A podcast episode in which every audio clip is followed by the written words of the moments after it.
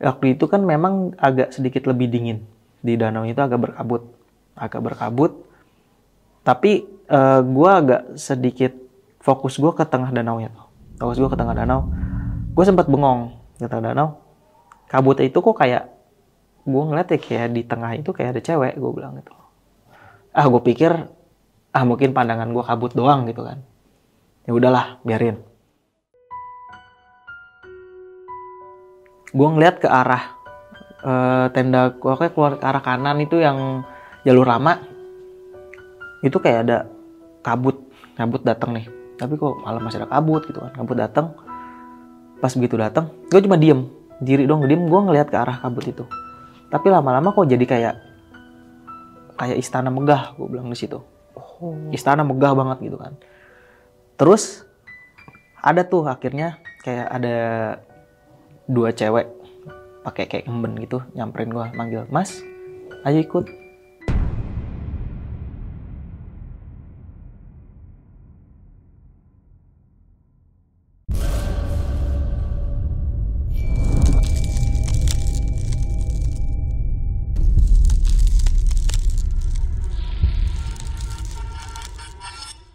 Assalamualaikum warahmatullahi wabarakatuh. Balik lagi nih di besok pagi. Kali ini bareng gue Bang Mange, pria gemoy tanpa bahan pengawet. Siapa nih yang gak kenal Gunung Semeru? Gunung Semeru adalah gunung paling tertinggi nih di Pulau Jawa. Dan juga banyak banget nih tempat-tempat sakral di di trek atau di pendakianan nih. Dan salah satunya adalah Jembatan Merah. Siapa sih yang nggak kenal Jembatan Merah? Dan pada malam kali ini gue udah berhasil menghadirkan salah satu narasumber deh yang mempunyai pengalaman gak enak ini ketika melakukan pendakiannya di Gunung Semeru. Untuk lebih tepatnya langsung aja nih gue sapa narasumber gue pada malam kali ini. Selamat malam Bang Bima. Iya. Apa malam. kabar nih Bang Bima? Sehat. Alhamdulillah. Alhamdulillah. Udah lama banget nih orang ketemu ini kita. Lama banget. Oke, ini kan lu mau menceritakan sebuah pengalaman pendakian di Gunung Semeru ya Bim ya. Hmm. Uh, boleh dikasih sedikit kisi-kisi nggak sih atau poin-poinnya nih? Apa oh. yang lu rasain nih pada saat itu? Uh, beberapa poinnya sih ada yang pada saat waktu itu yang gue di trekking turun itu gue ketemu uh, gue lupa antara pos habis setelah pos 1 atau sebelum pos 1 itu gue ketemu sama Gundruwo di jalur sebelah kiri itu sama habis setelah itu gue mau dibawa ke alam lain sama pendaki lain oh, oke okay.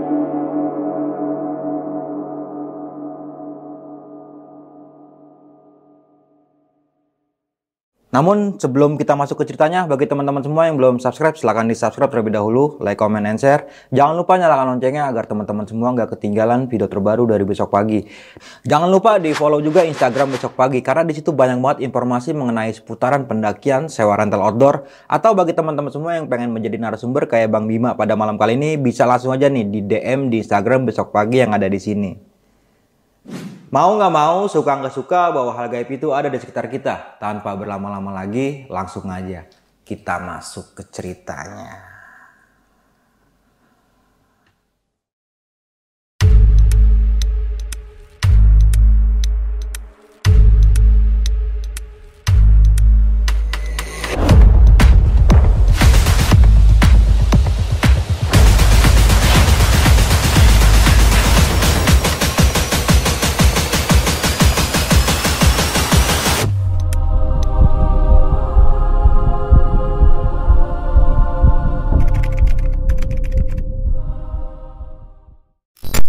Ya, uh, waktu itu sekitar di tahun 2015 ya mungkin pendakian tuh lagi hits-hitsnya lah karena ada suatu film lah di situ kan. Hmm. Gua sama teman-teman gua juga ngerencanain gitu kan. Ayo nih gue pengen ngerasain naik gunung gitu kan bang. Ada waktu itu. Ya udah kita kumpul-kumpul kita tentuin nih gitu kan. Mau mau ke mana, kapan dan ke mana gitu kan. Ngumpul bareng-bareng. Terus uh, eh, gue nyetuk nih Semeru aja gimana gitu kan. Bagus banget tuh waktu itu gitu kan gue bilang. Karena gue waktu itu ke sana juga uh, 2000 berapa? 2000 berapa cuman ke camp di Ranu Kumbolonya doang. Hmm, oke. Okay. kata gue seru bagus gitu kan. Iya lu nonton aja kalau nggak di YouTube banyak kok gitu kan. Cari-cari gambar. Boleh tuh ya udah kita nabung sekarang. Emang berangkat kapan? gitu kan. Uh, akhirnya gue tentuin enak sih bagus di September Oktober gitu kan pas tuh ya udah beberapa bulan lu pada nabung dah gitu kan namanya masih belum pada sekolah kan belum pada kerja. Ya udah uh, singkat cerita gua gua pas di bulan September gue confirm lagi yang jadi siapa terus uh, udah kekumpul berapa persiapan lu udah apa aja gue gituin dong. Karena ada yang mundur satu nih gitu kan. Oh ya udah nggak apa-apa. Uh, terus akhirnya gue yang fix berangkat gue kakak gue adik gue sama teman gue yang di rumah itu ada dua orang Keluarga lu semua Bim? keluarga gue gitu dua orang ini yang orang luar ngikut tadi mau tiga jadi mundur satu kan Oh iya iya. Terus ya udah, akhirnya dari September pertengahan gue bilang, oke kalian yang pada mau ngikut, ikut gue pokoknya wajib seminggu sekali atau seminggu dua kali fisik lu, lu latih. Gue gituin dong. Kalau mental ya udah gue kasih tau lah pahit-pahitnya, jalurnya kayak gimana, terus eh, dinginnya kayak gimana di sana, gue gituin kan. Ya udah siap, akhirnya seminggu dua kali gue lari lah gitu kan buat buat siapin mentalnya sama fisik juga gitu kan biar kuat. Terus gue juga ngontek lah soal soal lek gue di sana sama temennya. Gue bilang, lek gue mau naik eh, sekian orang, lima orang gitu kan dari sini. Mau naik kapan Semeru? Perkiraan Oktober gitu kan. Dulu masih masih belum online kalau nggak salah gue deh dulu. Jadi masih langsung di on the spot di sana. Oh ya udah, eh, sekalian cariin temen lu lagi lah yang biasa naik gue gituin dong. Kata dia, oh ya udah ada gitu kan. Ada ntar teman gue di sini. Sekalian ntar nyawa jeepnya juga cariin gue minta cariin di sana sekalian. Jadi kita dari sini udah enak gitu kan. Singkat cerita berangkatlah. Gue di Oktober waktu itu gue lupa tanggal pokoknya di bulan Oktober gue berangkat. Nah pertama memang sekalian juga eh, ortu gue juga mau pulang kampung kan memang kampung gue di sana. Jadi mampir ke tempat nenek gue dulu setelah itu nginep semalam baru besoknya pergi ke saudara gue yang di Malang. Berangkat terus eh, nyewa angkot ke sampai ke pasar Tumpang. Dan kita dapat jeepnya di situ kan. Habis itu selesai eh, buat simaksi semua segala macam singkat ceritanya pas dah saat mau registrasi gua nggak tahu karena udah kesorean atau memang eh, agak ada tanda sedikit gitu kan. Ada aja tuh masalah. Pertama habis bikin surat kesehatan ya kan? Udah jalan ternyata teman gua ada yang ketinggalan barangnya di puskesmas. Gitu kan? Dia bilang wah ini gue ketinggalan nih gitu kan. Entah dompet atau apa gitu ketinggalan kan. Ya udah putar balik lagi tuh. Ngambil oke dicek lagi udah semua berangkat lagi. Nyampe ke eh, pos pendaftaran Simaksi di Ranupane berarti bisa daftar. Terus eh, pas mau naik udah selesai mau inginin ada yang kurang berkasnya padahal sebelumnya itu udah gue siapin semua dari sini. Jadi tiap orang udah gue siapin KTP semua surat yang dibutuhin udah gue bawa gitu kan. Masih ada yang kurang gue bilang nih ke nyelip ke mana? Ini pasan kayak tadi pagi masih sebelum berangkat ke Tumpang masih ada. Hmm. Udah Udahlah, disatuin lagi udah tuh ya? disatuin udah gue staplesin tapi ada yang kurang. Ya udah akhirnya eh, ngeprint lagi minta kirim-kirim dulu. Nggak bisa lah tuh kesorean. Ya udahlah kesorean akhirnya kita dirin tenda yang di halaman depan itu di di Pane dirin tenda di situ nah udah gitu besok paginya sekitar jam setengah 8 atau jam 8 eh, biasalah sidang sidang Oke, itu di, di ikut meeting point ya? meeting point sidang. itu ya kan? kalau gua kalau gua anak-anak bilang sidang kumpul dijelasin start naik tuh start naik eh nggak ada kendala biasalah foto-foto di gerbang kan foto naik gitu kan Eh, penyesuaian suhu dulu capek gitu kan awal. Nah pada saat eh, mau pos 1 gue nggak tahu yang lain ngerasa apa enggak karena kan gue biasa kalau naik itu paling belakang. Biasanya gue bilang kok gue jadi lebih capek nyampe sini? Biasanya gue di awal doang kan biasanya penyesuaian lah gitu kan. Kok di sini gue jadi capek banget? Ya udah udah duaan aja tunggu di pos 1 gue bilang gitu sama adik gue sama teman-teman gue yang lain sama kakak gue ada duaan aja. Akhirnya eh, yang nungguin gue ada satu teman gue tetangga gue eh, sebut aja namanya Jaya ya gitu kan. Nungguin gue ya udah ayo kita berangkat barengan aja. Sama gue juga capek gitu kan. Ya udah gue dikasih dikasih kue crackers gitu snack. Gue makan gue minum nyampe lah pos 1 biasalah sapa-sapaan gitu kan. Begitu nyampe pos 1 ada sekitar 10 menit gitu kan. Lagi udah ngajak jalan ayo jangan kelamaan nanti keburu dingin kaki gitu kan otot ntar takutnya keram. Hmm. jalan lagi jalan santai aja gue bilang gitu kan. Ya udah begitu jalan santai eh pas sebelum pos 2 atau mana pokoknya pas di titik posisinya jembatan merah ya. Gue lupa tuh mau di antara pos 1 2 atau 2 3 pokoknya pas di jembatan merah itu kan biasa pada pada foto-foto gitu kan di situ kan. Ini jembatan yang itu ya yang dirame diomongin orang katanya. Iya gitu kan. Nah gue belum belum tuh belum jembatan, gue masih duduk dulu, kan masih ada orang pada ngantri foto juga. Hmm. Gar pas gue ke situ, gue ngerasa kayak itu masih masih siang, mau belum belum siang banget gitu. Gue kayak ada yang manggil, gue bilang manggil tuh kayak Mas sekali. Gue pikir atau memang lagi ada yang rame, dia manggil pacarnya atau Ah. siapa, ya udahlah gue bodo amat gitu kan. Terus eh, adek gue manggil, Mas, ayo gantian gitu kan. Oh udah ya udah, akhirnya gue taruh gue ke situ. Pas giliran gue fotoin, ada lagi yang manggil, tapi kayak suara cewek gitu daerah belakang. Mas, gue bilang gue diem dulu, udah foto, udah akhirnya ya udah gue diemin tuh, gue masih masih belum ngelihat kanan kiri, tapi gue cuma dengar suara doang. Gue jalan lagi, pas giliran lewat jembatan merah nggak jauh, di sebelah kiri kan jurang tuh. Nah itu gue denger suara yang sama, tapi eh, ngomong Mas lagi, tapi dari arah jurang gue mikir ah nggak bener nih gue bilang nih, udahlah gue Bismillah aja gue langsung dalam hati gue bilang numpang lewat, gue bilang itu gue nggak macem-macem kok, atau mungkin dia manggil yang lain gue nggak tahu kan. Hmm. Ya udahlah gue jalan aja, gue nggak ngasih tahu teman-teman gue yang lain karena kan takutnya mereka jadi parno sendiri gitu kan dengar kata dengar cerita gue.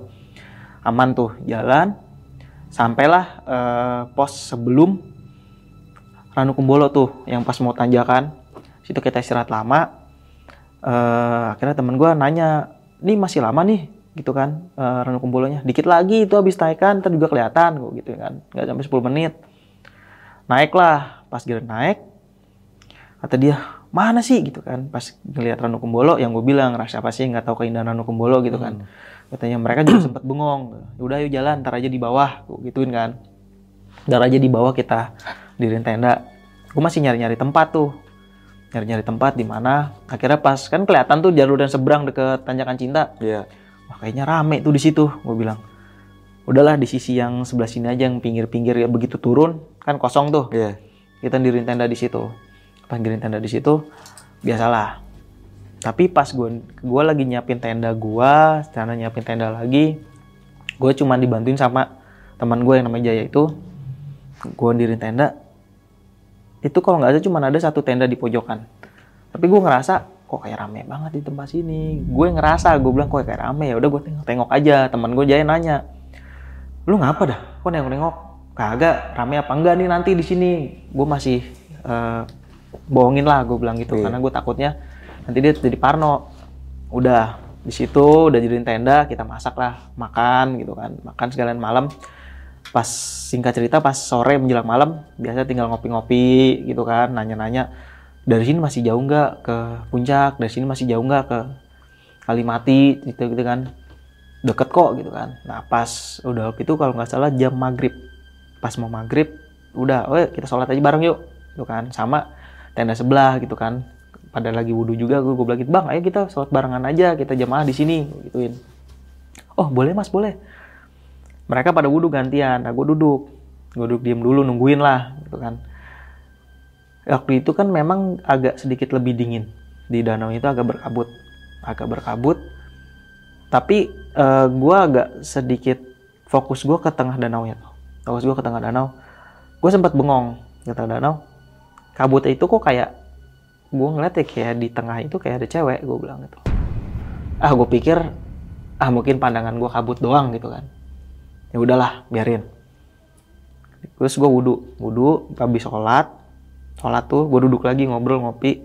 Lagi-lagi saat ngobrol ngumpul sama tenda sebelah ngobrol-ngobrol. Fokus gue ke tengah danau lagi.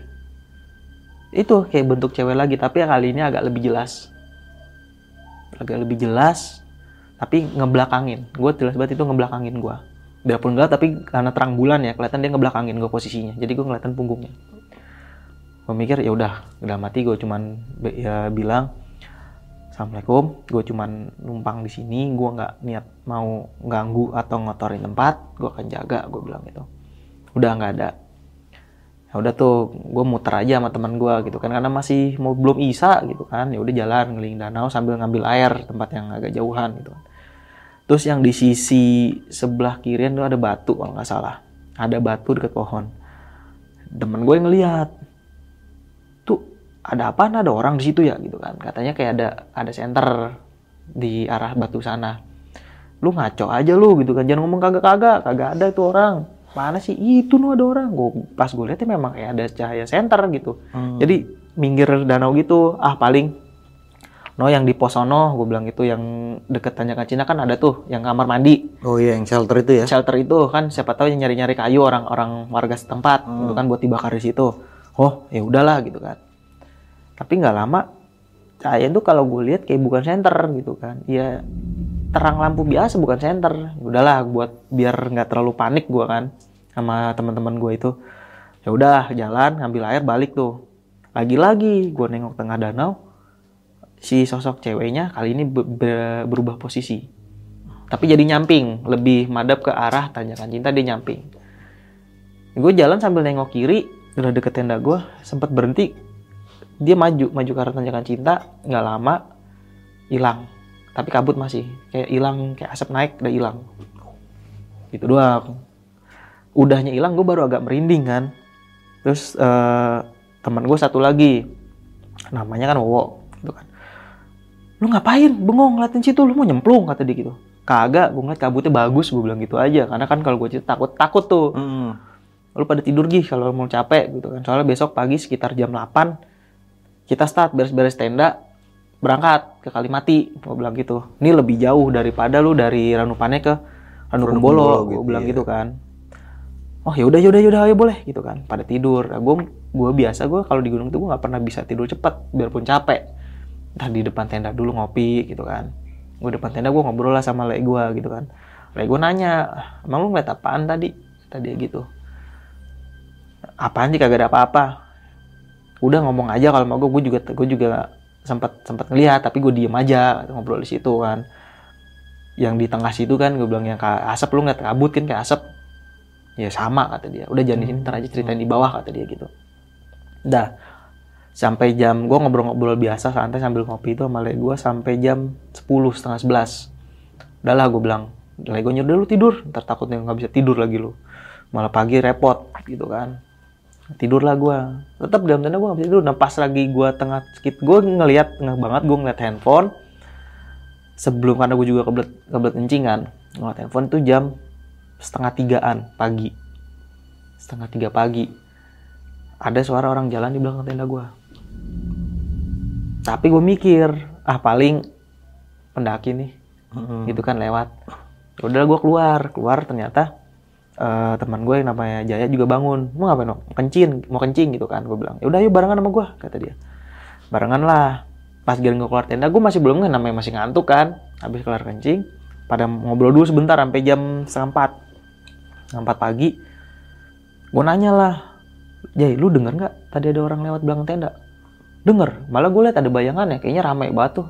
Paling di sono ya kata dia gitu kan. Kan gue dipanggilnya bewok kan. Wok eh, ramai banget kayaknya di sana oh iya gue bilang gitu tapi gue mikir semalam malamnya pada saat itu ya semalam malamnya lu lewat jam setengah tiga pagi di nyampe Ranu Kumbolo lu start dari bawah jam berapa Iya kan? Ya selama mungkin ya ada lah, mungkin dia startnya mepet jam 3 atau setengah tiga gitu kan. Tapi mau sampai jam 3 pagi, maksud 12 jam lu naik gitu kan, bisa aja kalau ada kejadian. Tapi jeda gua keluar gua baru ngeh, gua nggak ngelihat orang. Masa nggak pakai senter? Hmm, benar. Sekitaran tenda gua gua lihat nggak nambah tenda. Terus ya udah gua ngeliat tenda depan, kalaupun memang dia udah nyampe pasti sibuk dong, kayak ada center-center buat dirin tenda dan Iya. segala macamnya. Nggak ada, sepi, udah pada tidur semua. Udah gue diemin aja. Karena teman gue yang jaya itu berpikiran ya udah ada masih ada pendaki yang lewat lah, gitu kan. Dia nanya, emang dari base camp jam berapa? Ah paling mepet, gue bilang gitu. Paling dia berhenti berhentinya sampai 10 menit, setengah jam, karena capek, gue gitu kan. Wih gila nyampe jam berapa kata dia. Udah, udah tidur tidur setengah empat, gitu, tidur lagi. Pagi jam telat bangun tuh semuanya. Akhirnya beres beres jalan jam setengah sembilan dari Ranu Kumbolo jalan setengah sembilan sampai ke eh, dia nanya Rombo mana tuh yang katanya cakep kata dia ntar lagi nih lu nanya tanyakan cinta habis itu turun nah itu udah kelihatan orang Rombo bilang Hmm. gitu wah gue pengen lewat tanjakan cinta nih gitu kan tapi gue bilang tuh rame gue bilang rame banget kita lewat jalur yang samping melipir yang lewat belakang Eh, katanya sih itu jalur kuno gitu kan, jalur yang Mhm. dulu. Lewat situ ketemunya sama di tanyakan cinta. Nah pas di situ nih Rorombo ya katanya. Nah itu kan ada dua jalur, yang pinggir atas juga sama bawah. Iya. Sebagian lewat lek gue sama itu lewat ah, pinggiran sama adek gue, gue bilang lu mau lewat atas sama bawah. Bawah aja lah gue biar kayak yang di film-film. Mm-mm. Nyampe lah ke eh Cemoro Kandang. Ya di situ ya biasalah istirahat, makan-makan gitu kan. Nah gue sempat ngobrol sama bapak, gue bilang gitu kan. Yang gue inget banget pada saat gue naik itu bapak-bapak lagi bawain kayak semangka lah di setiap pos yang dagang-dagang gitu kan. Oh, kayak ngedrop makanan Ngedrop gitu ya? makanan. Nah pas gua di habis foto-foto ditanyakan cinta, eh, tanyakan cinta tuh, tuh bapak-bapak lanjut lagi naik. Gue ingat mukanya sama gitu kan. Habis ngedropnya di situ, mungkin ngedropnya di sana kan. Ketemulah dia lagi ngerokok gitu. Terus gue nanya, Pak, bapak naik dari kapan? Oh saya mah dari bawah situ. Gue bilang dari yang pos Ranukumbolo deh gitu kan. Dia bilang, emang kenapa Pak? Emang kenapa dek? Eh semalam masih ada yang datang nggak Pak? Gue bisa ngobrol, masih jam-jam setengah tiga pagi. Oh nggak ada, bapak malah nggak begadang. Katanya saya tuh nggak begadang. Tapi nggak ada kok yang ini lagi. Emang kenapa? Ada yang naik ya? Ada sih saya ngerasa kayak ada yang jalan gitu di Hmm. belakang tenda saya gitu kan. Mepet banget. Teman saya malah ngelihat katanya ya ada bayangannya jalan gitu kan di belakangnya. Terus untung bapak-bapaknya juga mungkin takut kita parno semua ya. Bapak-bapaknya cuma bilang, oh itu paling warga gitu kan atau teman Hmm. saya yang buat nganterin kayu gitu kan. Oh ya udah gitu kan. Makasih ya Pak. Jajan semangka. Seperti biasa gue paling belakang. Pas di Cemoro Kandang, gue ketinggalan lagi kan nggak ya memang gue paling belakang karena ada teman gue yang satu yang namanya Wowo itu juga eh, olahraganya kurang dari fisiknya kurang tapi dia kuat masih kuat tapi ya berhenti berhenti gue nemenin dia pas begitu nemenin dia eh, nggak ada orang sepi denger itu lagi gue mas itu lagi yang di jembatan merah Orang di Siok itu jam berapa gue lupa gue udah ngeliat jam manggil lagi mas gue diem Padahal teman gue ngajak ngobrol. Lu ngapa sih, Wok? Kagak. Gue cuma dengerin suara ini aja nih, burung cakep. Gue bilang gitu kan, Hmm. suara alam gitu Alasan kan. aja lah itu Alasan ya. aja lah. Habis di Jakarta lu nggak akan bisa dengerin suara kayak gini. Lu balik ke Jakarta udah denger suaranya klakson, Hmm. nalpot, gue gituin kan, gue bercandain. Iya ya, ya udah jalan tuh. Jalan dia dep- dia gue depanan dulu, kata dia belakang gue gantian kan. Pas dia depan, terus dia berhenti, gue panggil, eh lu ngapain? Kagak, gue tadi ada yang denger manggil kayak manggil nama gue, gitu kan. Manggil apaan? Wo, katanya gitu. Kan si Wo yang bareng gue. Lah, gue berhenti, gue cariin, makanya gue gue manggil. Yo, dia nyaut teriak gitu, lu ngapain? Kagak yang manggil gue. Orang kita yang paling belakang gitu kan. Siapa tahu orang kali manggil temennya, emang yang namanya Hmm. Lu doang. Iya, benar. gitu lagi kan. Ya kali ya, ya udahlah jalan lagi. Pas eh, tempat agak datar, pas mau jambangan ya, agak datar kita kan ber, gua gua bertiga, gua Jaya Wowo berhenti lama. Pokoknya yang lain tuh udah duluan deh, nggak usah dia udah duluan lah dia. Berhenti emang paling belakang. Sengaja gue nemenin mereka. Takutnya kan mereka baru pertama kali naik tuh. Di situ eh mereka ngobrol-ngobrol lagi. Nah yang si Wowo ini cerita sama Jaya, ya gue di sini ada yang manggil gua katanya. Lu tuh kagak ada yang manggil lu apa gitu kan? Ya maklum lah, mereka belum pernah naik gitu kan. Masih bercandanya masih kayak gitu gitu ya. Tapi gua kalau masih batas wajar, masih cuman sekedar ngomong-ngomong yang masih wajar. Ini kali ini kali masih masih belum gua larang gitu kan Hmm. gua ada yang manggil masih gua hibur lagi eh, itu orang emang namanya dia lu doang gua gituin Iya. kan namanya wo lu doang ya udah gitu nah tadinya mau nyetuk tuh yang namanya Jaya gua bilang setan kali gituin kan kata mau gitu kan terus sebelum dia ngomong udah gue ini dulu gue tahu dia bakal ngomong situ dipanggil setan kali gitu kan "Ya, jangan-jangan ini lagi udah nggak boleh ngomong gitu Hmm. yang namanya Jaya juga bukan lu doang di sini gue yakin masa di sini cuma 10 orang pasti 100 mah lebih yang di Iya. Semeru nih namanya bukan lu doang Jaya ya. Iya Jaya banyak gitu Iya. kan. Siapa tahu tukang jualan tuh Mang Jaya gua kata gitu. Bisa aja lu gitu kan. Udah tuh sekitar setengah jam gua di situ. Setengah jam persiapan prepare nunggu diri mereka duaan gitu kan. Ya udah gue di belakang hal yang sama. Mas, gua lagi gua bilang. Kok yang lain dipanggilnya dia nama. Gua panggil Mas. So gue sempet berhenti gue nengok. ayolah lama banget lu kata dia gitu ya namanya Wowo kan memang orangnya agak nyablak begitu kan bentar gue nyesuaiin keril di pundak nih biar enak gue gitu kan tas gue kan agak berat emang lu gue kata gitu. Hmm. barang lu kan di gua gue gituin. Gue mau jalan biasa gue bilang Bismillah gue jalan lagi. Pas habis datar itu agak nanjak deh kalau nggak seingat gue agak nanjak. Habis tanjakan itu jambangan gue capek banget di situ tuh. Napas gue udah senin kemis gue bilang udah capek banget. Minum udah gue minum. Teman gue yang bawa gitu bilang apa lu lapar ya? Dikit kata dia gitu. Akhirnya dikasih roti ini gue juga tidak boleh dikasih nih sama abang-abang yang ngono gitu kan. Hmm. gue makan dulu gue minum. Lalu naik lah gue naik dong. Gue naik biasa gue jalan santai aja lah. Lagi hal yang sama mas. Gue digituin. Pindah-pindah kanan kiri belakang. Terus pas mau tanya gue di kanan gue nengok lah. Terus gue bilang lagi mau apa sih? Gue bilang gitu. Hmm. gue dari awal juga nggak ganggu kan gitu. Tapi gue udah mati gue udah salam begitu datang teman gue juga nggak ada yang berbuat yang nggak enggak karena masih eh, jalur wajar. Tolong jangan ganggu gue bilang gitu. Mohon maaf kalau emang ganggu atau nggak sengaja. Terus udah mati gue gitu. Udah aman tuh sampai jambangan. Jambangan biasalah kita foto-foto kan kelihatan tuh semerunya kan. Foto-foto di situ. Sekitar sejam. Ya kan ada tukang dagang juga kita makan di situ hampir sejaman juga karena kan dikit lagi lah nyampe Kalimati pikirnya udah istirahat agak lama di situ. Foto-foto di Edelweiss segala macam.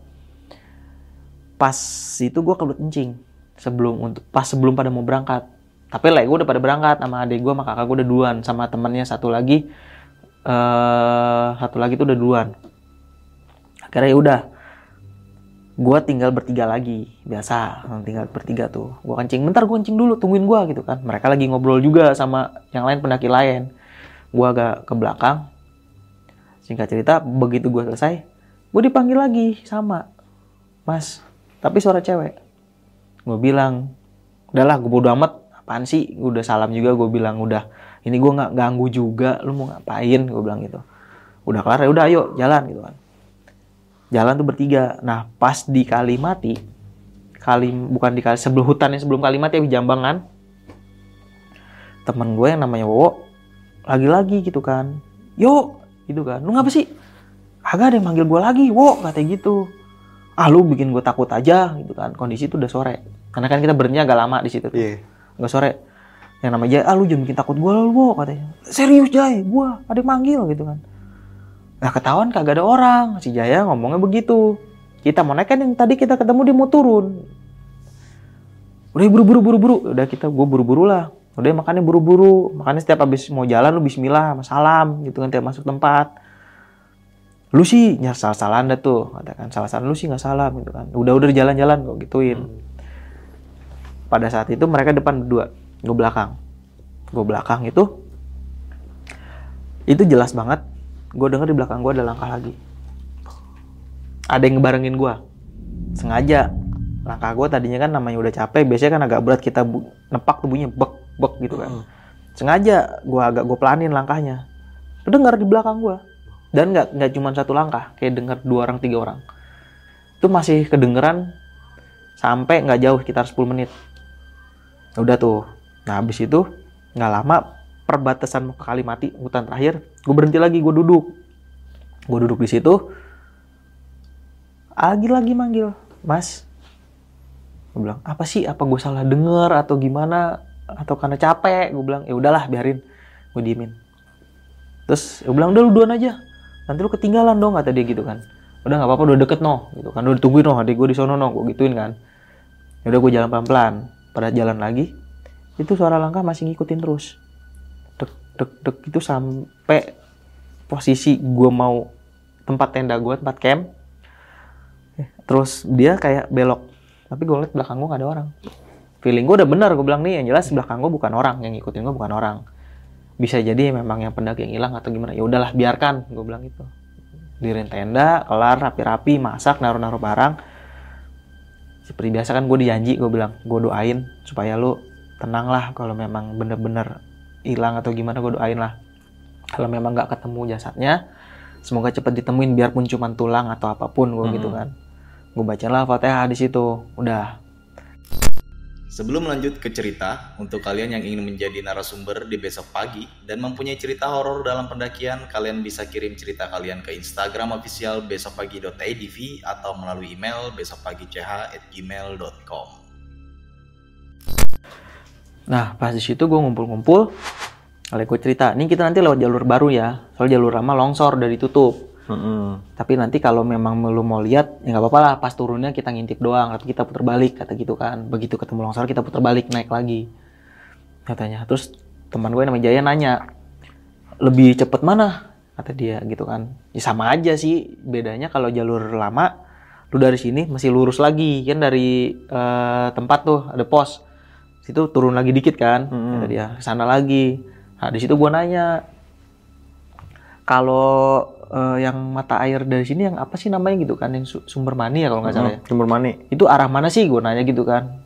Ngapain lu? Udah sore gak usah ke sono. Emang kenapa? Gue nanya dong nama gue nggak pernah kan.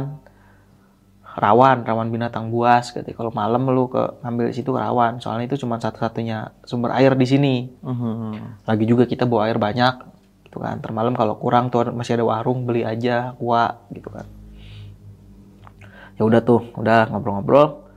Lalu gue ngomong ntar habis isa paling telat jam 8 udah pada tidur ya pada gitu kan.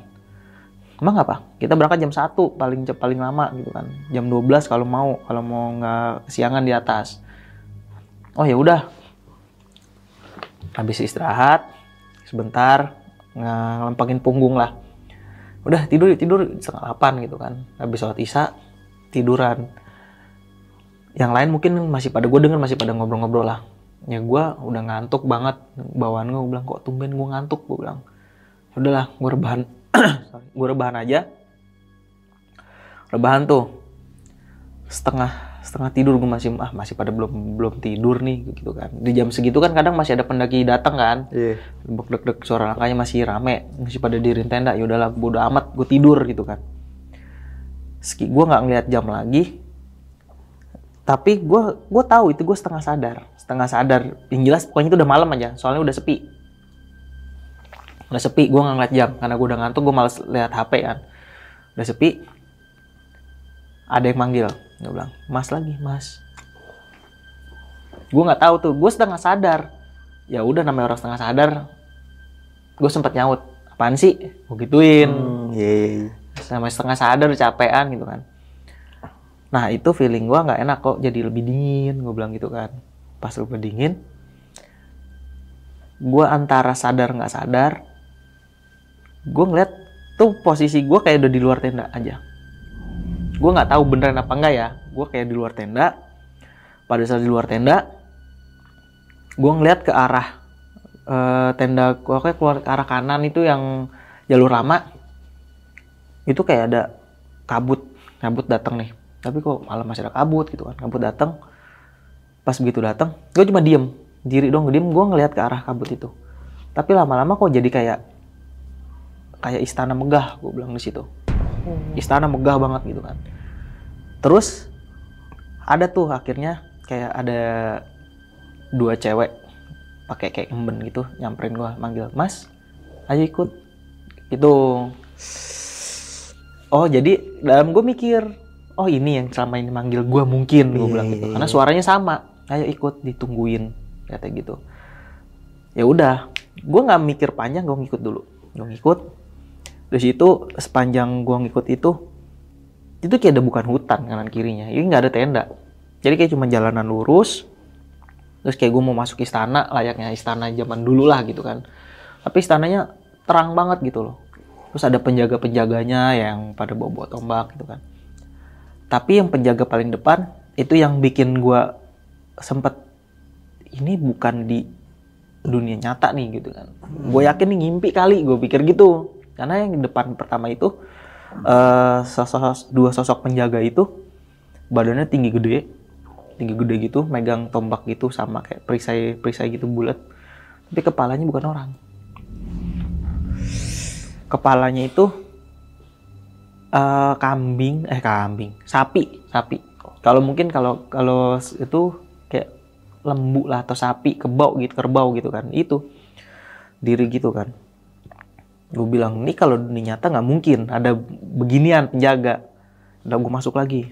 Pas masuk ke dalam mungkin kalau di ini uh, aulanya lah tempat rajanya atau ratunya. Nah di situ ada lagi ada beberapa penjaga yang penampakannya tuh kayak aneh gitu. Badannya memang manusia semua gitu kan.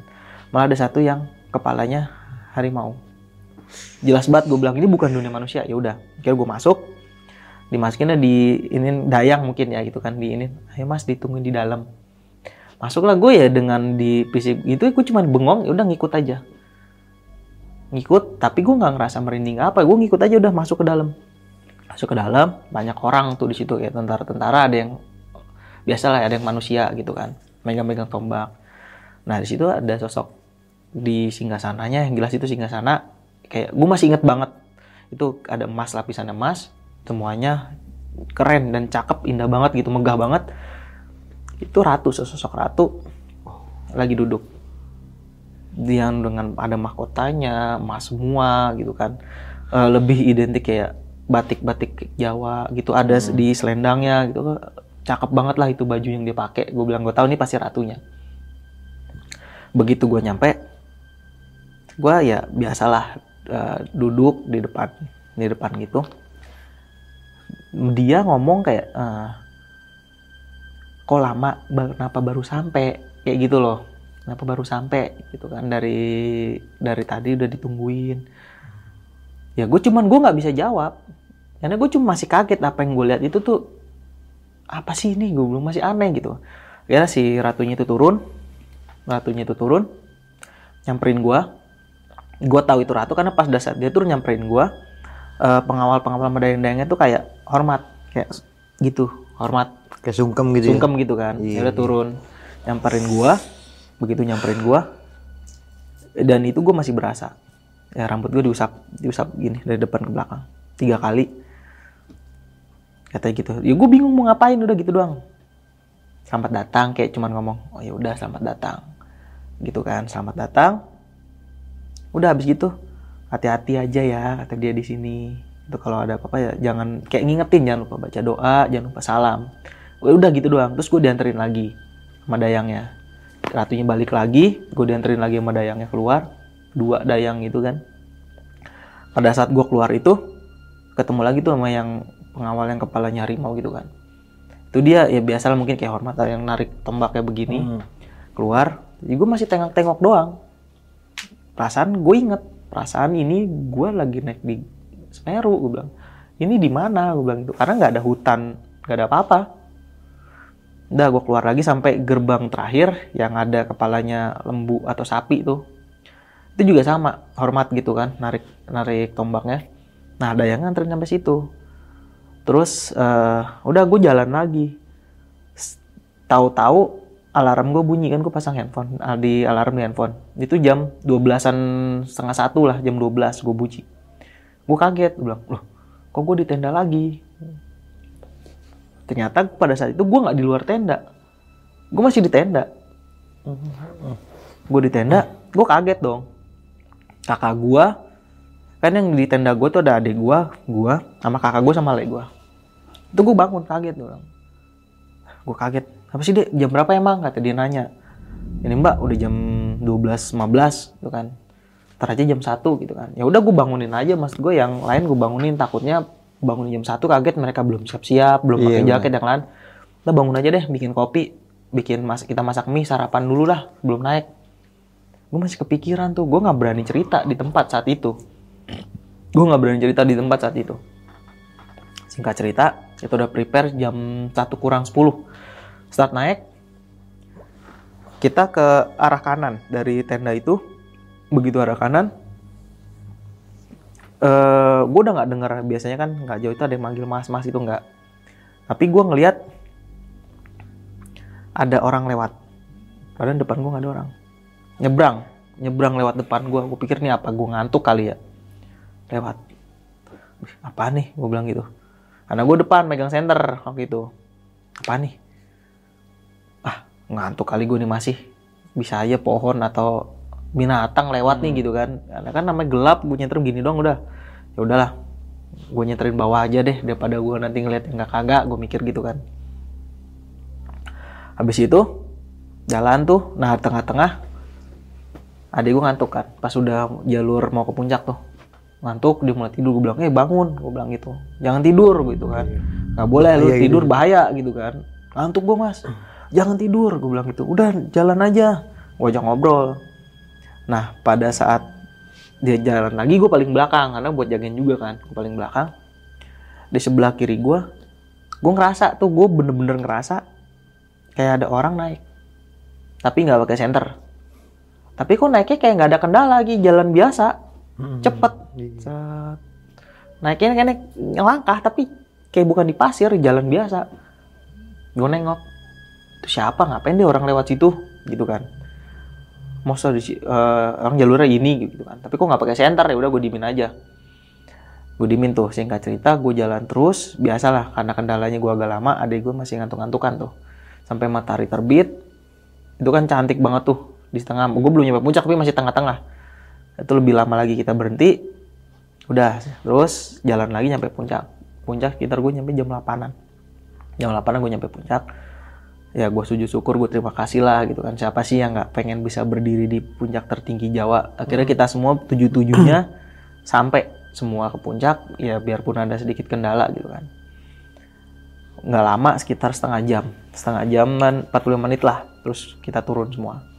Turun eh, pas mau perbatasan kalau mungkin sekarang ini Arcopodo ya. Arcopodo kan ada yang empat gol itu ada kayak plakat tuh yang in memoriam siapa waktu itu gue lupa. Gue lewat lah terus ya gue baca oh ya udah gue kirim doa juga kan. Nggak lama gue tahu gue eh, belakang gue tuh nggak ada orang. Ada tapi masih jauh lah ada masih jauh. Tapi gue denger ada langkah lagi di belakang ya kayak nyerosot masih serak serak serak gitulah yang di pasir kan. Nah, gue nengok nggak ada orang. Ya udahlah gue doain lagi. Ya gue ikut doa juga deh gitu kan. Memang kita niatnya nggak lama lagi. Sampai Kalimati nggak lama tuh langsung packing. Ambil packing kita masak seadanya Indomie langsung bablas turun kan. Nggak ngecam lagi tuh. Kalau mau foto lagi ya foto-foto lah di Ranukumbolo aja langsung bablas turun. Di situ nggak ada kendala masih belum ada kendala apa apa kendala biasa. Foto-foto lah di Ranukumbolo tuh. Itu masih jam-jam dua setengah tigaan deh gitu kan. Karena kan udah tinggal turun gue pikir ya udah santai aja lah nggak usah buru-buru banget apa yang dikejar. Lagi juga masih lama gue udah tuh dari Ranukumbolo agak sekitar jam kalau sekarang mungkin habis asar deh kalau diingat itu. Udah mulai aneh lagi gue ngerasanya tuh selalu kayak ada gue ngerasa di belakang gue ada yang ngikutin.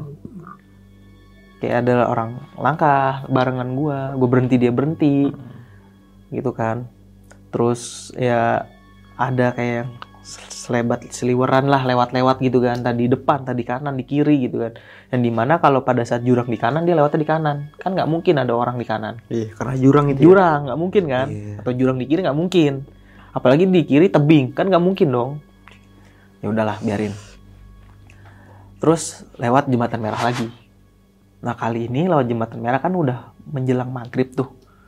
Menjelang maghrib gue ngeh di situ. Gue dengar kayak suara cewek.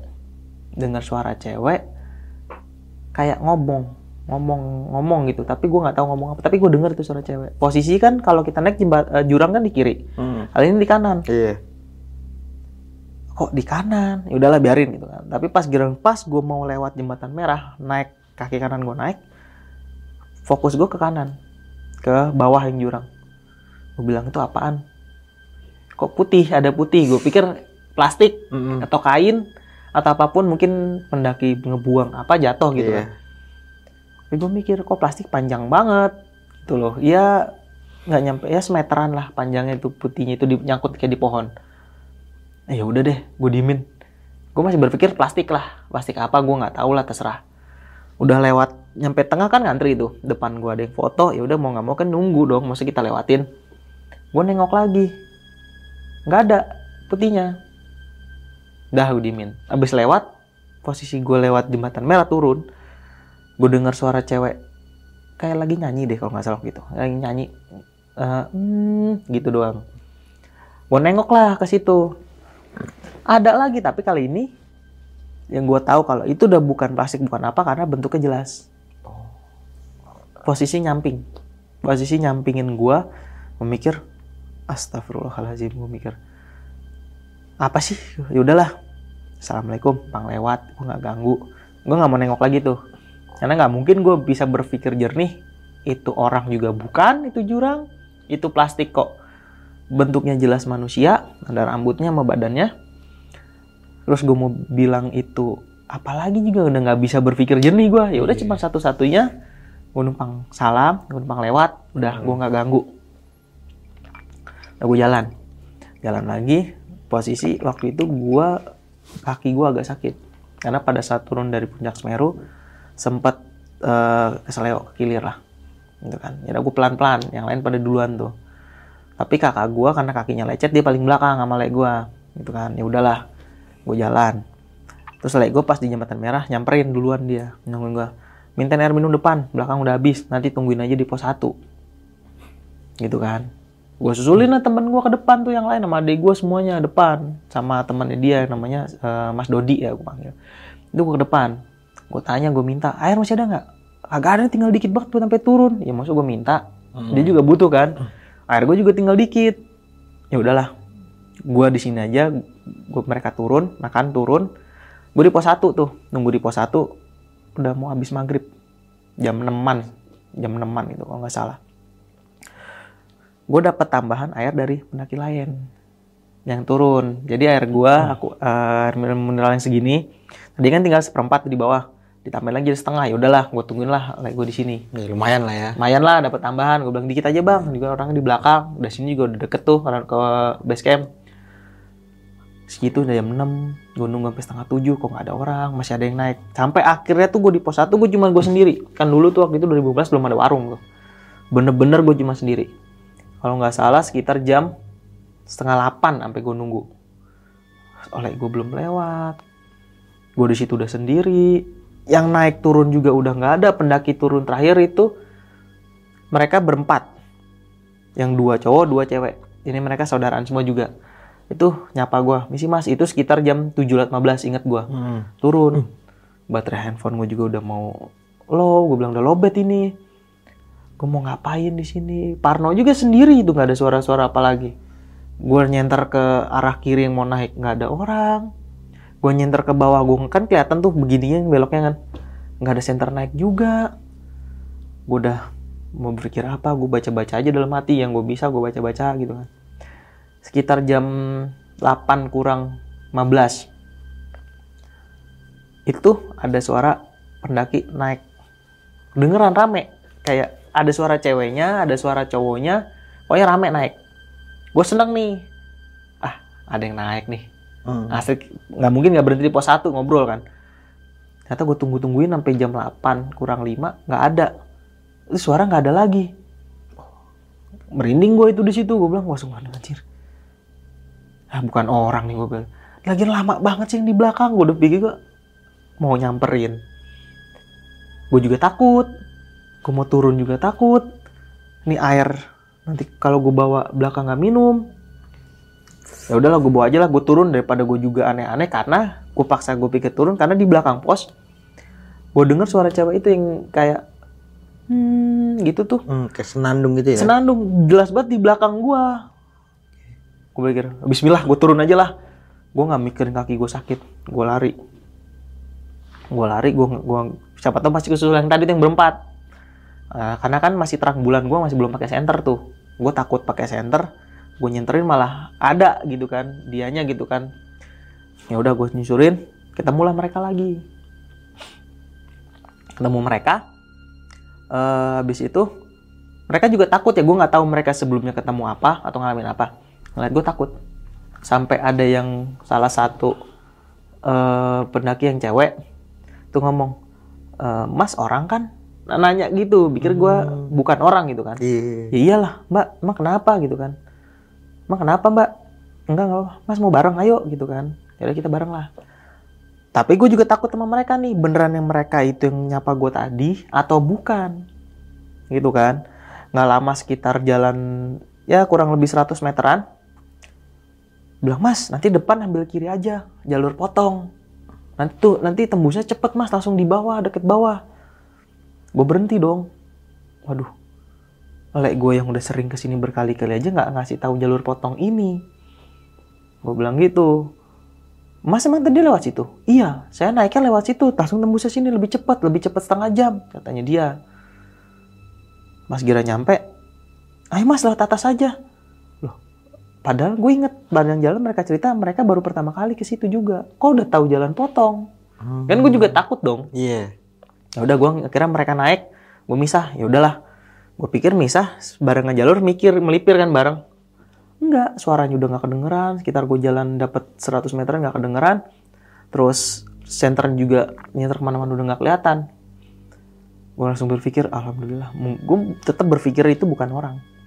Mau ngajak gue ke yang lain. Ini gitu kan. empat orang ini ya? Iya. Oke. Tapi kalau memang orang beneran ya udah mohon maaf, gue udah mati Hmm. gitu kan. Ya udah gue jalan tuh. Nggak jauh dari situ, gue lupa di pas belokan mana. Gue ngerasain kaki gue sakit kan. Ya udah gue mikir ya udahlah gue santai aja lah. Gue niat gue baik di sini gitu kan. Gue juga udah salam, gue nggak ganggu. Nggak jauh dari situ, gue nyium kayak bau bau-bau gosong lah. Entah kayak bau singkong gosong atau masakan gosong. Pokoknya bau-bau gosong lah. Bau apa nih gue mikir. Tapi gue dalam hati, gue nggak berani nyebut. Dan gue sendiri. Terus gue ngeliat kayak kunang-kunang gitu kan di salah satu eh, terowongan pohon situ kan ada tempat agak lega sebelah kiri biarpun tebingan ya di Hmm. situ. Ada kayak kunang-kunang di situ satu. Gue mikir ih ada kunang-kunang. Kapan lagi gue bisa ngeliat kunang-kunang? Tapi gue mikir lagi kunang-kunang di gunung bukannya jarang ya? Gue mikir. Di ketinggian segini bukannya jarang tapi nggak tahu lah. Ya dulu masih berpikir kunang-kunang. Cahayanya kan redup mati redup mati kayak orang ngedip gitu kan. Satu. Terus jarak-jarak makin agak dekat gue lihat lagi kan baunya makin kecium tuh kok kunang-kunang jadi ada dua? Sebelahan. Posisinya akhirnya gue tahu itu mata. Dan mati gue wah ini mata. Tapi gue belum tahu bentuknya apaan. Gue masih belum tahu bentuknya apaan tuh. Udah gitu warnanya jadi berubah jadi kayak merah. Titik dua merah. Tapi jelas-jelas itu mata titik dua sebelahan mata. Merah. Gue diem baunya makin santer. Ya udah Bismillah aja gue mikir langkah kaki kanan pertama gue bilang assalamualaikum bang lewat. Gue nggak ganggu. Kan kita tahu jalanan sempit tuh. Hmm. ya buat papasan pas lah. Akhirnya makin deket jelas lah bentuknya tuh. Kayak lagi nongkrong ya kayak gorila lah hitam gitu kan matanya merah. Gede banget lebih gede dari gue mau tinggi banget gitu lah. Terus kukunya di tanah itu panjang-panjang. Itu kan gede-gede banget pokoknya bulu semua kayak gorila. Gue sempet posisi gue ngeliat itu jelas ngeliat begini. Jarak paling nggak nyampe 2 meteran lah. Deket banget berarti. deket banget. Gue udah udah bingung gue mau ngomong apa. Gue mau teriak juga nggak bisa. Center gue akhirnya gue kesampingin gue kebawain gini. Gue udah deg-degan udah deg-degan banget. Gue minggirin-minggir kanan deh tapi gue nyenterin. Takut kepleset kan jurang. Akhirnya gue bilang assalamualaikum misi permisi permisi gitu kan. Sempet tuh kayak dia gerak kayak suara serak gue nggak tahu dia ngapain karena gue udah nggak mau ngeliat dah. Tapi yang jelas gue masih ngeliat itu bentuknya jelas banget. Kayak monyet gede gitu kan. Tangannya panjang mata merah. Pas giliran gue lewat pas banget sebelah sebelahan jarak semeteran lah gue ke dia. Itu dia kayak ada suara nafas kayak gitu kan. Seketika langkah gue berhenti di situ. Sempat berhenti gue aduh gue bilang nih kenapa nggak gerak nggak mau nih kaki. Gerak nggak mau dua kali. Akhirnya gue bilang assalamualaikum permisi. Tapi bawaan gue pengen ngeliat sana. Akhirnya gue ngeliat dikit gue bilang astagfirullahaladzim. Makin jelas bentuknya. Makin jelas yang tadinya bulu-bulunya cuma kelihatan hitam-hitam gelap itu bentuknya jelas. Terus tambah jadi kayak giginya tuh panjang-panjang gitu kan makin jelas.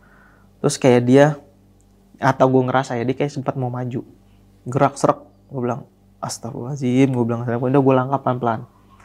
Sebelum gue ngelewat dia jauh gitu lagi. Gitu lagi. Merinding lagi gue juga. Udahlah aduh. Udah lewat jauh jalan. Gak lama dari situ gue denger lagi. Cewek senandung. Senandung dulu tuh. Hmm, gitu kan. Ini apa lagi? Ya Allah gue mikir gitu kan akhirnya gue sempet berhenti. Sempet berhenti gue ngeliat handphone. Siapa tahu dapat sinyal maksud gue gitu kan. Gue mau nelpon nanti gue siapa nggak mungkin gak udah nggak nyampe bawah dong. Aduh nggak ada sinyal masih belum dapat. Dan gue cuman cuman jikir dalam hati gitu kan sambil baca baca juga. Masih jelas banget itu di belakang itu suaranya.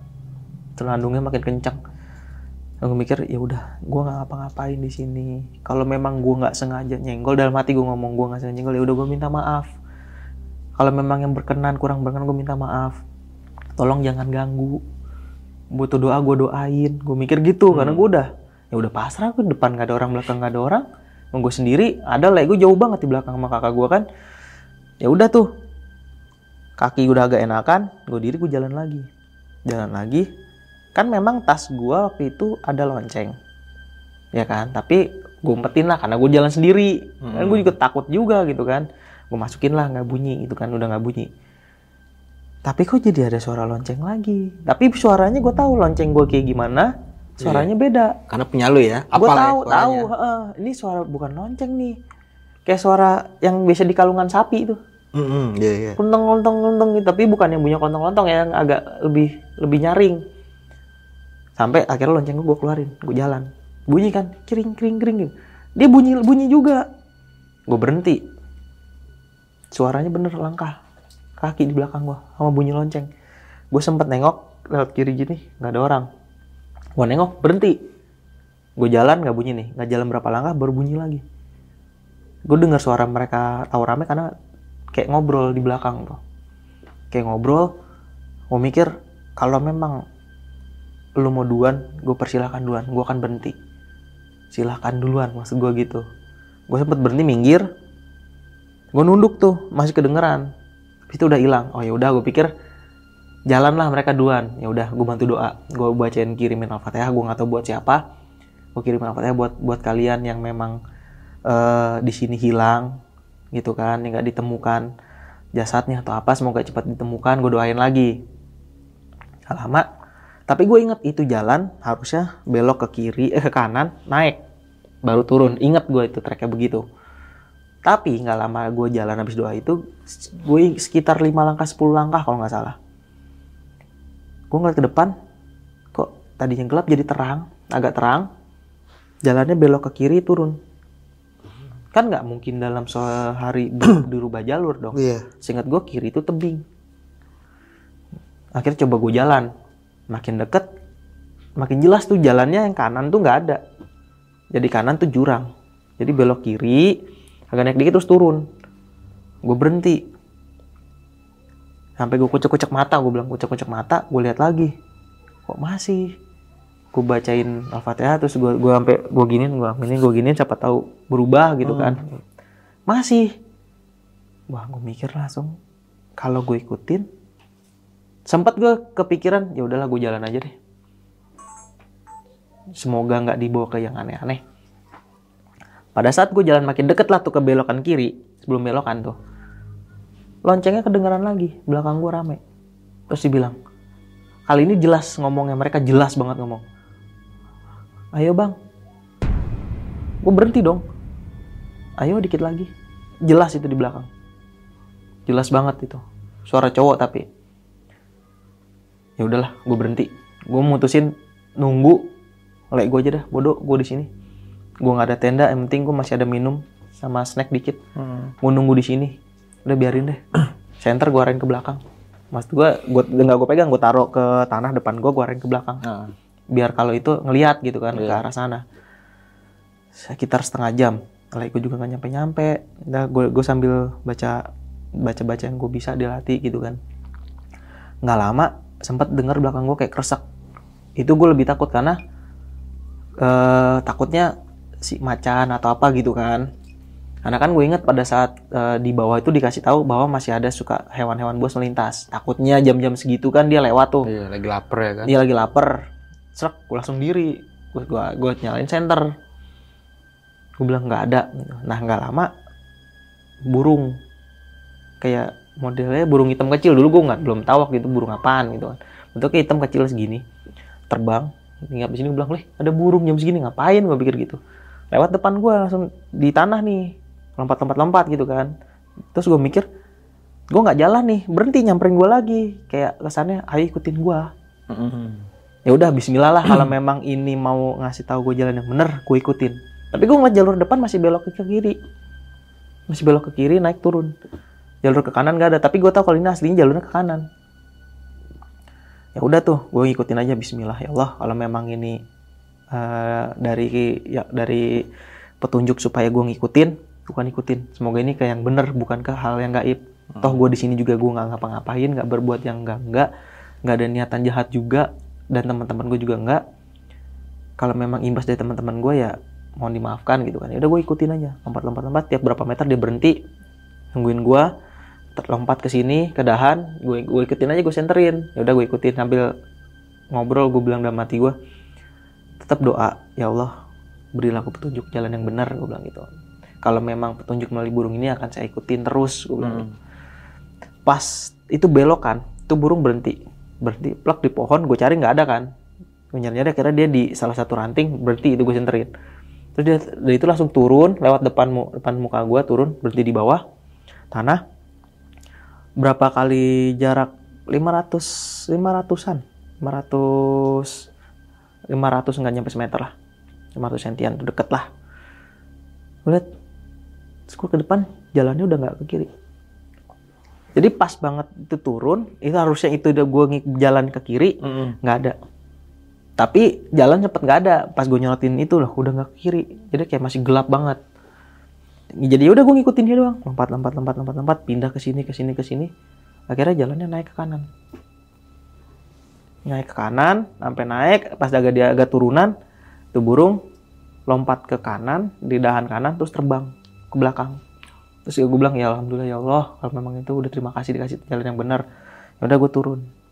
Turun nggak jauh dari situ ketemu lagi tuh sama yang empat orang yang katanya motong jalan. Ya alhamdulillah mereka orang beneran ternyata. Hmm, orang beneran ternyata. Uh, terus gue mikir kan katanya lebih cepat setengah jam kok masih ketemu? Harusnya mereka udah di base camp dong. Ketemu tadi katanya salah satunya kesleo salah hmm. satu adik adik sepupunya kesleo gue tanya kenapa bang? Kesleo bang. Gue sempet disapa tuh pas ngeliat. Mungkin mereka takut. Kayaknya mungkin pada saat motong itu gue nggak tahu mereka ketemu apa ya. Mereka nyapa assalamualaikum. Siapa? Gitu kan. Berarti kan sebelumnya mungkin mereka ngalamin yang enggak gitu kan. Yeah. sampai mungkin ke Seleo enggak ke Seleo bang. Jatuh. Iya tadi di sana kenapa emang? Nggak tahu katanya dia ngelihat ada yang lewat gitu kan. Terus tapi sepupunya yang cowok bilang tar aja gitu kan. Padahal udah deket deket perkebunan itu. Hmm. tanya eh iya enggak bang? Gitu kan. Oh ya udah ntar aja ceritanya kalau udah lewat gapura kita cerita. Udah jalan deket banget kan. Akhirnya ini mau dibantuin di papa apa gimana nih? Mereka kan juga baru pemula ya. Jadi maksudnya kayak nggak tahu nang gimana. Ya udah kasih aja bahasa ya biarpun gua nggak apa nggak tahu banget setidaknya gue bisa bantulah pertama gitu kan. Nolongin pertamanya dikasih apa. Gue bilang udah papa aja. Tasnya carrier dibawain saudaranya tuh yang satu yang cowok satunya kan agak kecil. Bawa ini. Terus ini mbaknya nggak usah bawa apa-apa gue gitu kan. Oh iya mas saya mas. Akhirnya gue barengin tuh. Lewat gapura dia cerita. Iya mas soalnya pada saat kita motong itu kita misah nggak lama katanya uh, si gue lupa namanya. Pokoknya si cewek yang cedera itu katanya ngeliat ada orang. Dia bilang itu tuh ada ada orang pendaki lain. Ayo, ayo kita kejar kita kejar gitu kan. Yang ngikutin. Sempet nyasar ternyata gara-gara ngikutin itu. Berhenti berhenti balik lagi ke jalur jalur yang potongan mereka lah. Gue nggak tahu dia lewat mana. Jalan lagi. Terus katanya sebelum kepleset itu dia ngeliat katanya ada cewek katanya kayak ada baju putih lewat kelebat terus dia naik. Itu dia takut dia sempet nangis sempet ah, nggak takut kaget nangis kayak itu kepleset. Hmm. gue nggak tahu dia cerita gitu. Ya udah mbak makanya jalurnya normal aja gue gituin kan. Hmm. Ya mau ya kan kita mikir lebih cepet mas karena dikasih tahu warga gitu kan. Ya kan apalagi mbak baru saya aja yang udah pernah dikasih tahu jalurnya aja sini sini saya nggak mau biarpun saya juga baru saya dikasih tahu malah saya yang udah sering di sini sama warga juga mas nanti di sini lewat sini sini aja. Saya nggak mau saya nyari jalur bener aja deh gue bilang itu kan. Iya ya mas ya gitu kan. Ya udah mereka jalan lagi. Sampai pas base camp si cewek yang cedera ini kan gue duluan tuh di belakang. Pas eh, itu dia sempet nangis lagi. Kan dia di base camp di depan tuh di depan barengan deket jeep gue lah. Deket musola kan sekarang ada musola tuh. Iya. gue tahu gue gue ke toilet dulu sebelum masuk jeep tas gue taruh jeep gue katanya ketemu. Nangis lagi Katanya, kenapa? Enggak mas. Ini katanya ngelihat yang tadi di atas katanya. Tapi di pokoknya dia ngelihat di arah belakang kamar mandi tapi di atas kamar mandinya. Katanya dia kaget langsung nangis lagi. Udah suruh ambil wudhu aja masih bisa wudhu kan? Gue ituin dong sama dibantuin eh, warga situlah dibacain apa gue nggak tahu diapain pokoknya diginiin gini, supaya Ya, buat dia lesin-lesin tenang ya. iya biar tenang lah gitu kan. Kaget terus nangis gitu kan. Gue nggak jadi ke toilet kan aku pikir ya udahlah ntar aja lah di bawah aja di base camp jeepnya aja lah. Udah tuh pas gue masuk gue pikir kakak gue udah nyampe. Gue pikir udah nyampe. Gue nanya ya kan itu nyokap gue ngikut. Adik gue nanya mas mbak mana? Lah belum nyampe. Belum. Akhirnya gue susulin lagi tuh naik takutnya lecetnya bener-bener jadi nggak bisa jalan kan cuma berdua doang takut nggak kuat gitu kan. Iya. atau kehausan banget kan jadi nggak tahu kan. Gue susulin lagi tuh sampai tanjakan lagi gue bawa air gue pinjem pinjem depek yang punya warung pinjem tas pinjem tas lah bu gitu kan buat bawa ke atas bentar. Ya udah gue ke atas gue bawain air tuh. Ketemu lah kakak gue ngapain ke sini kata lagi gue bawain air udah telat gue udah dapet dari tadi orang naik ketemu. Oh ya udah tapi muka gue ngeliat muka kakak gue kakak gue kan cewek. Itu kayak takut juga gue nggak tahu lah dia ngeliat apa. Hmm. ya udah akhirnya gue bantuin bawa carrielnya carriel like gue sama dia akhirnya gue turun tuh. Kan gue bawa dua akhirnya gue turun nyampe base camp jam 10-an lu nggak salah ingat gue jam 10-an jam 10 lewatan lah sampai semua ngumpul. Terus di jalan di mobil barulah cerita-cerita. Ternyata yang ngeliat tuh Gundurwo itu bukan gue doang adik gue dan Jaya dan Wowo itu sama yang namanya Mas Dodi kan duluan. Sama. Di posisi yang sama dilakukan yang sama. Dengan cerita yang beda mungkin kalau Mas Dodi ya awalnya gue pikir nggak ada tau-tau kayak ada yang kerusak gue nengok. Yang namanya Mas Dodi itu aku nengok ini Bim ternyata genduwo kan katanya gitu kan. Aku pikir monyet temen monyet segede gitu udah langsung jalan aja. Nah yang adik gue sama temannya aja sama Wowo itu hampir sama kayak gue awalnya ngeliat kayak katanya ada puntung rokok katanya di bawah terus naik ke atas jadi dua kayak mata digituin juga digit, di oh, digituin lagi. Itu mereka sempat mau jatuh ke jurang. Mereka bertiga loh kayak gitu kan. Terus cerita dari kakak gue sama lek gue ternyata di jembatan merah kakak gue sama lek gue juga ngeliat tuh si cewek itu. Gue nggak tahu kenapa kita kalau cuma gue doang mungkin karena bisa dibilang mungkin ah berarti ini gue peka mungkin gitu kan Iya. kalau yang lihat kan. Semua rombongan tuh rombongan gue ya gue nggak tahu orang lain. Jalan lagi tapi untungnya mereka semua nggak ngalamin kejadian yang sama tuh yang mau dibawa ke yang lain gitu. Hmm. tapi kalau dengar suara langkah semua tuh mereka dengar semua juga. Terus akhirnya nyokap gue kan juga takut tuh terus itu kamu ngapain? Pada saat itu ya cuma baca doa doang sama minta bantuan sama Allah supaya dikasih jalan yang benar gitu kan. Ya, alhamdulillah lewat perantara burung gua atau burung apa tadi tuh nunjukin jalan yang bener akhirnya. Dengan ada ya udah alhamdulillah gitu kan. Terus ya udahlah nggak usah naik naik lagi katanya nyokap gue gitu kan namanya orang tua panik. Terus gue Hmm. bilang ya selama kitanya bener lah. Itu kan nggak ganggu mereka nggak bikin kotor nggak ngelakuin hal yang nggak nggak bisa jaga perkataan. Insya Allah lah aman pasti ada lah yang ngasih nunjuk jalan yang bener. Kan ya udahlah pada diem gitu kan. Udahlah akhirnya gue nggak lama ketiduran tuh di mobil tapi gue pada saat ketiduran ini belum belum selesai nih ya. Padahal gue ketiduran di mobil tuh men- menuju base camp gue baru dibangunin. Gue didatengin dayang yang di Kalimati tadi. Tapi lewat mimpi dibilang eh, terima kasih sudah bahasa ininya ya terima kasih sudah berkunjung. Eh lain kali ditunggu lagi di sini jangan kalau main ke sini tolong mampir lagi gitu kan ya gue nggak jelas lagi tapi Hmm. tapi dayangnya itu tapi dida- baik ya. Heeh, didampingin sama yang kepalanya sapi itu tadi. Jadi mereka dia berdua sama yang kepala sapi di belakangnya. Terus gue kaget dong karena gue dibangunin nyampe base camp gitu kan. Udah nyampe ya udah kira kita pindah minibus ya udah tuh di minibus lagi di alap itu gue tidur lagi udah nggak nggak ada apa-apa udah Sampai rumah. berarti. sampai rumah gitu. Sampai rumah aman aja udah. Oke nih Bim. Gokil banget cerita lu. Pada malam kali ini lumayan durasinya lumayan panjang juga ini, hampir sejam setengah. Nah, mungkin gua nggak mau berbanyak-banyak bertanya-tanya kali ya. Gue sedikit aja nih mau menanya salah tentang eh, kerajaan yang lu lihat di Kalimati itu. ya. Iya, Itu kan lu dalam keadaan sadar berarti Bi. eh, bisa dibilang setengah sadar. Hmm. Karena gue taunya gue lagi tidur kan. Oke. Lagi tiduran di tenda nunggu mau muncak. Tapi kenapa pas bangun itu, kok gue nggak di tenda, di jalan, di udah di, di samperin yang dua itu dibawa ke kerajaan itu. Oke. Nah, di kerajaan yang lu lihat ada permaisurinya mungkin, ada putrinya gitu. Putrinya entah putri entah ratu ada.